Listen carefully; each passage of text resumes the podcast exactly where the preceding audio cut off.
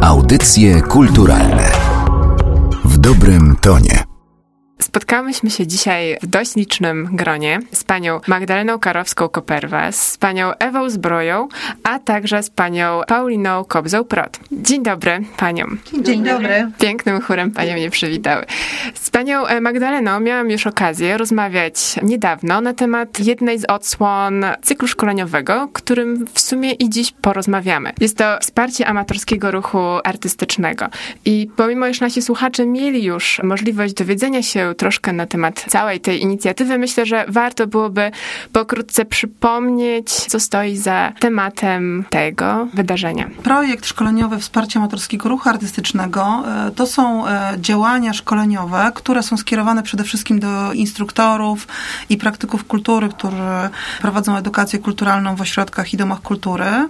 Chcemy e, tutaj położyć największy nacisk na taką praktyczną stronę ich pracy, czyli doskonalić ich warsztat, warsztat, doskonalić ich e, techniki pracy również takiej dydaktycznej, ale też bardzo zwracamy uwagę na to, żeby e, dawać taką przestrzeń do poznania się, do wymiany doświadczeń, do nawiązania kontaktów ludzi po prostu z całej Polski. I dziś będziemy rozmawiać o jednym z wcieleń, powiedzmy, tej całej idei, czyli o Letniej Akademii Rękodzieła i Sztuki, która miała miejsce bardzo niedawno, bo skończyła się 1 lipca w Łucznicy. I panie tutaj, jako organizatorki całego tego przedsięwzięcia, przedsięwzięcia, myślę, że doskonale orientują się w tym, jak wyglądał przebieg całego tego przedsięwzięcia. A ja i słuchacze bardzo chętnie dowiemy się, co miało miejsce w trakcie tych ostatnich dni w Łucznicy. Letnia Akademia Rękodzieła i Sztuki e, odbyła się 23 czerwca, 1 lipca, a więc 9 e, roboczych dni, e, które wypełnione zostały różnymi działaniami. Ideą było to, aby uczestnicy letniej akademii nie tylko byli zintegrowani i jakby stworzyli taką platformę wymiany doświadczeń, ale również, e, żeby mogli zdobyć podstawowe e, kompetencje zawodowe, podnieść je w obszarze rzemiosła artystycznego. I to się udało. Odbyły się cztery kursy rękodzieła artystycznego, kurs sitodruku, wikliny, ceramiki i tkaniny. I w tych kursach wzięło udział 37 osób wszystkie otrzymały zaświadczenie o podniesieniu kwalifikacji zawodowych w dziedzinie rzemiosła artystycznego i wszystkie te osoby mają taki podstawowy kurs, który daje im legitymację do tego, że mogą założyć pracownie tematyczne. I to jest e, sukces tego przedsięwzięcia, ponieważ e, wśród uczestników kursu letniej akademii były osoby, które po raz pierwszy poznawały nowe dziedziny e, rękodzieła artystycznego i to było naprawdę bardzo ciekawe i bogate doświadczenie. To od razu nasuwa mi się to pytanie. W trakcie tych dziewięciu dni możliwe było tak dogłębne poznanie, wydaje mi się tak jednak bogatej dziedziny, jak na przykład ceramika. Ależ oczywiście powstało bardzo dużo pracy, ale to były kursy podstawowe, a więc takie, które wprowadzały nie tylko w tematykę, jak urządzić pracownię, jakie narzędzia, jakie sprzęty są konieczne do urządzenia takich pracowni w miejscach, gdzie te wszystkie osoby pracują i działają, ale również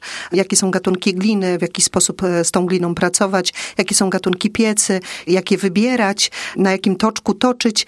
Cała technologia jakby pracy w ceramice, ponieważ ten kurs był kursem podstawowym, więc e, osoby, które zostały wybrane do poprowadzenia e, kursów, w tym przypadku myślę o Justynie Skowerskiej-Górskiej, doskonały pedagog, jej osobowość i doświadczenie pozwoliły na to, że przechodząc taki cykl 42 godzin dydaktycznych, osoby te poznały jakby prawidła sztuki rzemiosła artystycznego w obszarze ceramiki. Podobnie było ze wszystkimi pozostałymi kursami.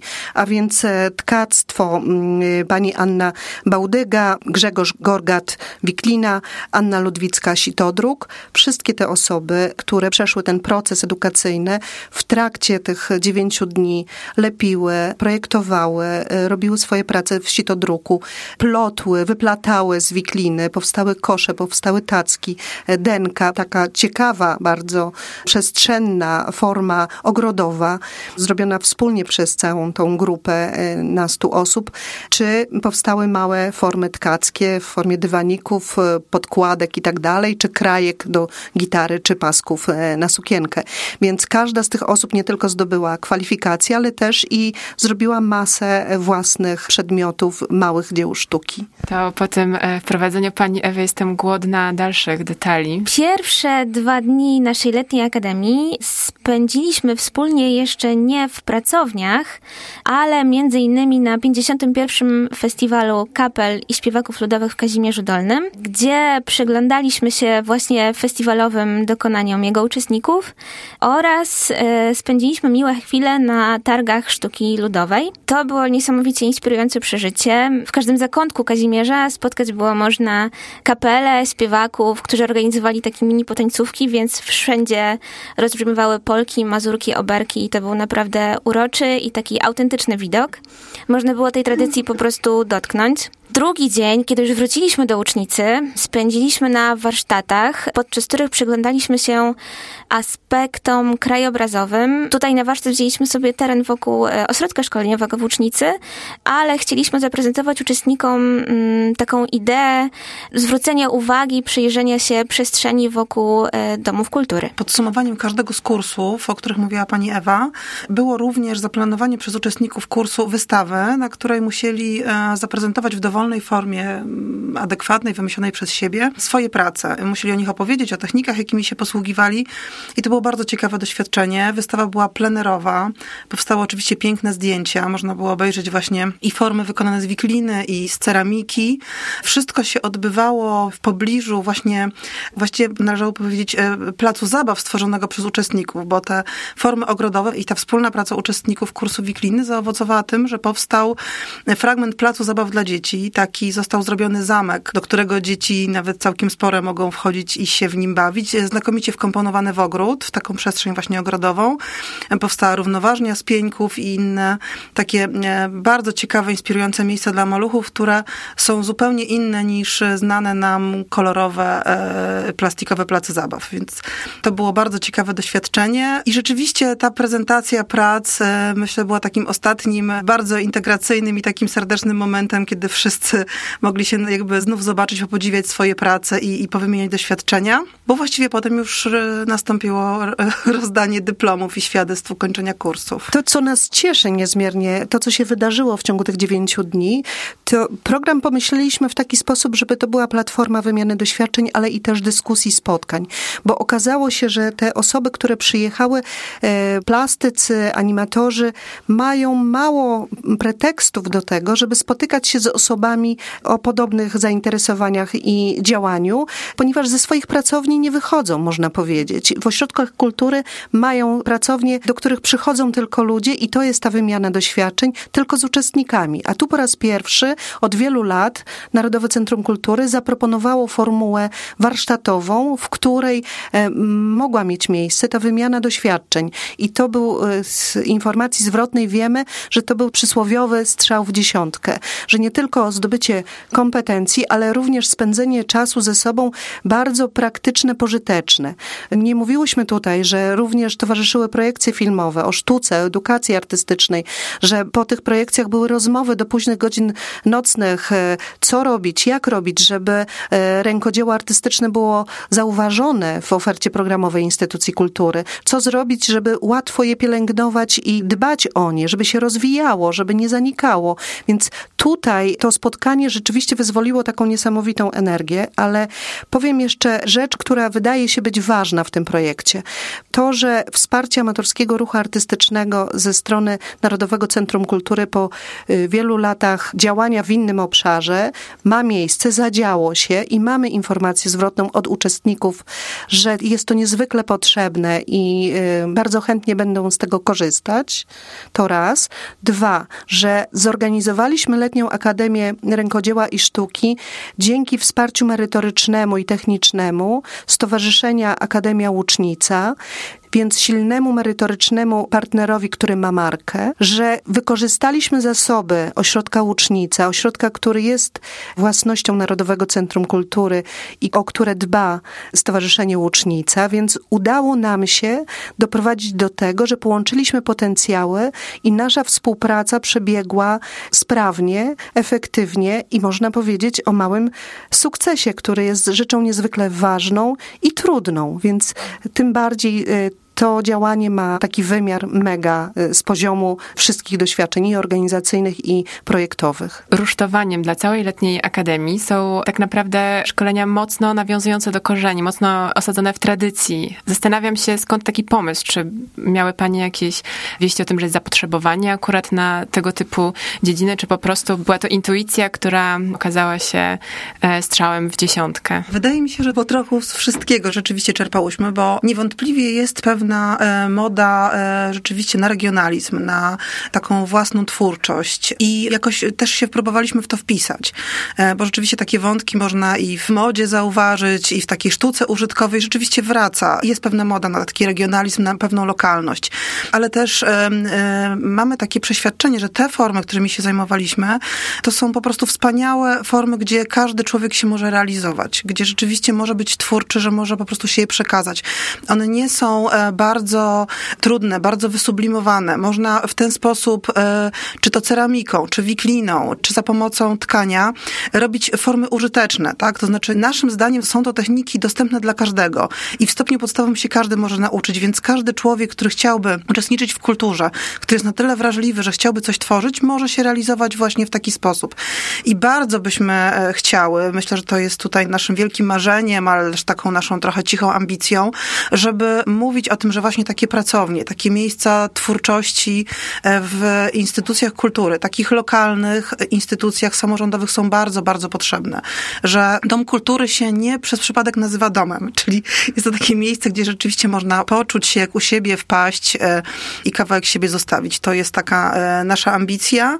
Jeszcze tylko dodam do tych informacji o programie, o tych dyskusjach rzeczywiście było, czy w, w konkretnych punktach programu, ale też w tych dyskusjach, które się po prostu rodziły spontanicznie, widać ogromny głód, ogromny taki głód dyskusji, wielką potrzebę rozmawiania o tym, takiej właśnie rozmawiania o, o, o twórczości, o uczestnictwie w kulturze, edukacji kulturalnej, że to są takie podstawy e, pani e, Zofia Bisiak, która tutaj była też e, współorganizatorką i takim właśnie partnerem merytorycznym całego tego przedsięwzięcia, wielokrotnie powtarzała uczestnikom i to jest z mojego punktu widzenia szczera prawda, że jeżeli e, zaniedbamy na tym poziomie e, edukację kulturalną i właśnie takie uwrażliwianie ludzi na twórczość, na, na tworzenie czegoś, na to, że nie wszystko trzeba kupić w sklepie, to też nie wychowamy widowni, to znaczy nie będzie odbiorców sztuki e, ani popularnej, ani wyższej. Jeżeli po prostu nie będziemy tej edukacji prowadzić, a co do edukacji kulturalnej, czy to w szkole, czy w takim szerszym, że tak powiem, e, w takiej szerszej przestrzeni społecznej,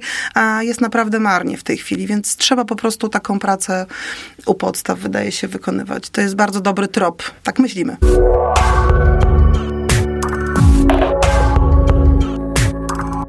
Porozmawiamy teraz z uczestniczkami Letniej Akademii. Małgorzata Bartel, jestem nauczycielką w Zespole Szkół nr 31 imienia Jana Kilińskiego.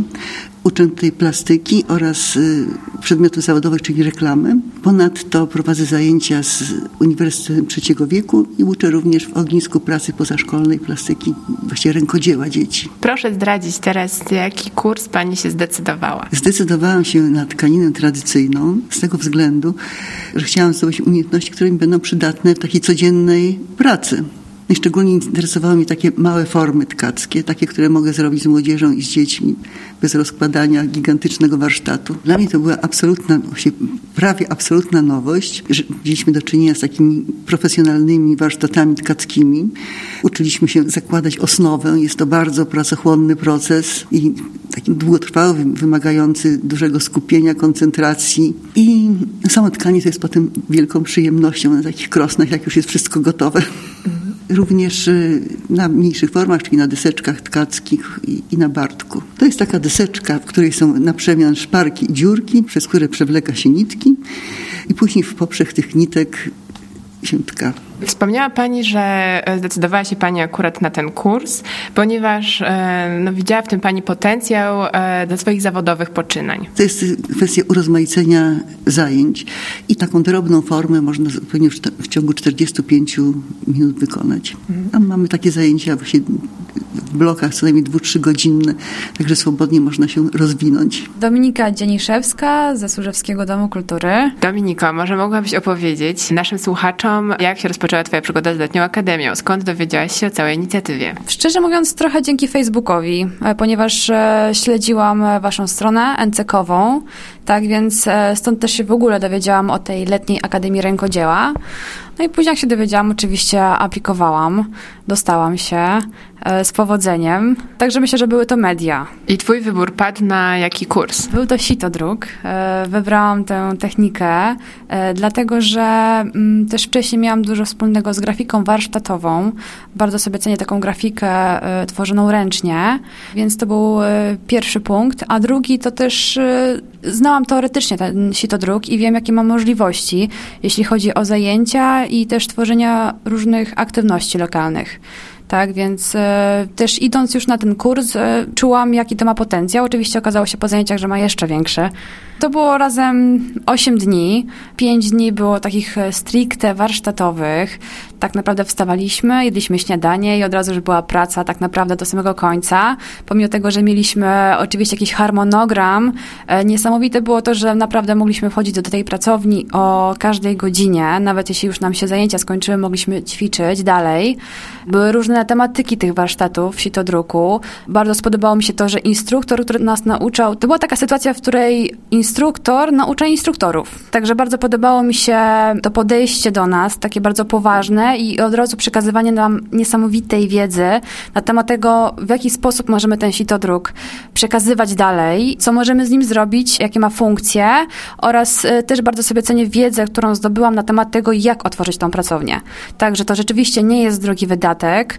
Pani Ania nam zdradziła naprawdę wiele sekretów. Czy masz już jakiś pomysł, jak wprzęgnąć tę wiedzę, o której e, przed chwilą powiedziałaś, w swoje poczynania, może zawodowe, może hobbystyczne? Pracownia druku może być mobilna, to po pierwsze. To jest właśnie fajne, że możemy w terenie działać, czyli też możemy robić jakieś takie wydarzenia e, lokalne, aktywizujące. E, Sitodruk nie jest trudną techniką, ani też taką techniką, która trwa nam bardzo, bardzo długo, więc to są fajne możliwości. I tak, zacznijmy też od tego, że sitodruk. Odbitki z sitodruku możemy uwieczniać na wszystkim. Na samochodzie, na kartce, na koszulkach, na torebkach. Także to jest też taka pierwsza rzecz, gdzie możemy odbić właściwie swoją grafikę, którą stworzymy od samego początku. Ona może być taką sztuką użytkową, że tak powiem, tak? W jaki sposób zamierzam wykorzystywać? Mi się bardzo spodobało w sitodruku to, że możemy naświetlać na sicie wszystkie kształty, e, wszystko, co mamy pod ręką. E, w trakcie zajęć naświetlaliśmy zerwane kwiaty, e, różną roślinność. Ja widzę tutaj ogromny potencjał taki edukacyjny, przyrodniczo-edukacyjny dla dzieci, tworzenie różnych zielników. Audycje kulturalne dobrym tonie.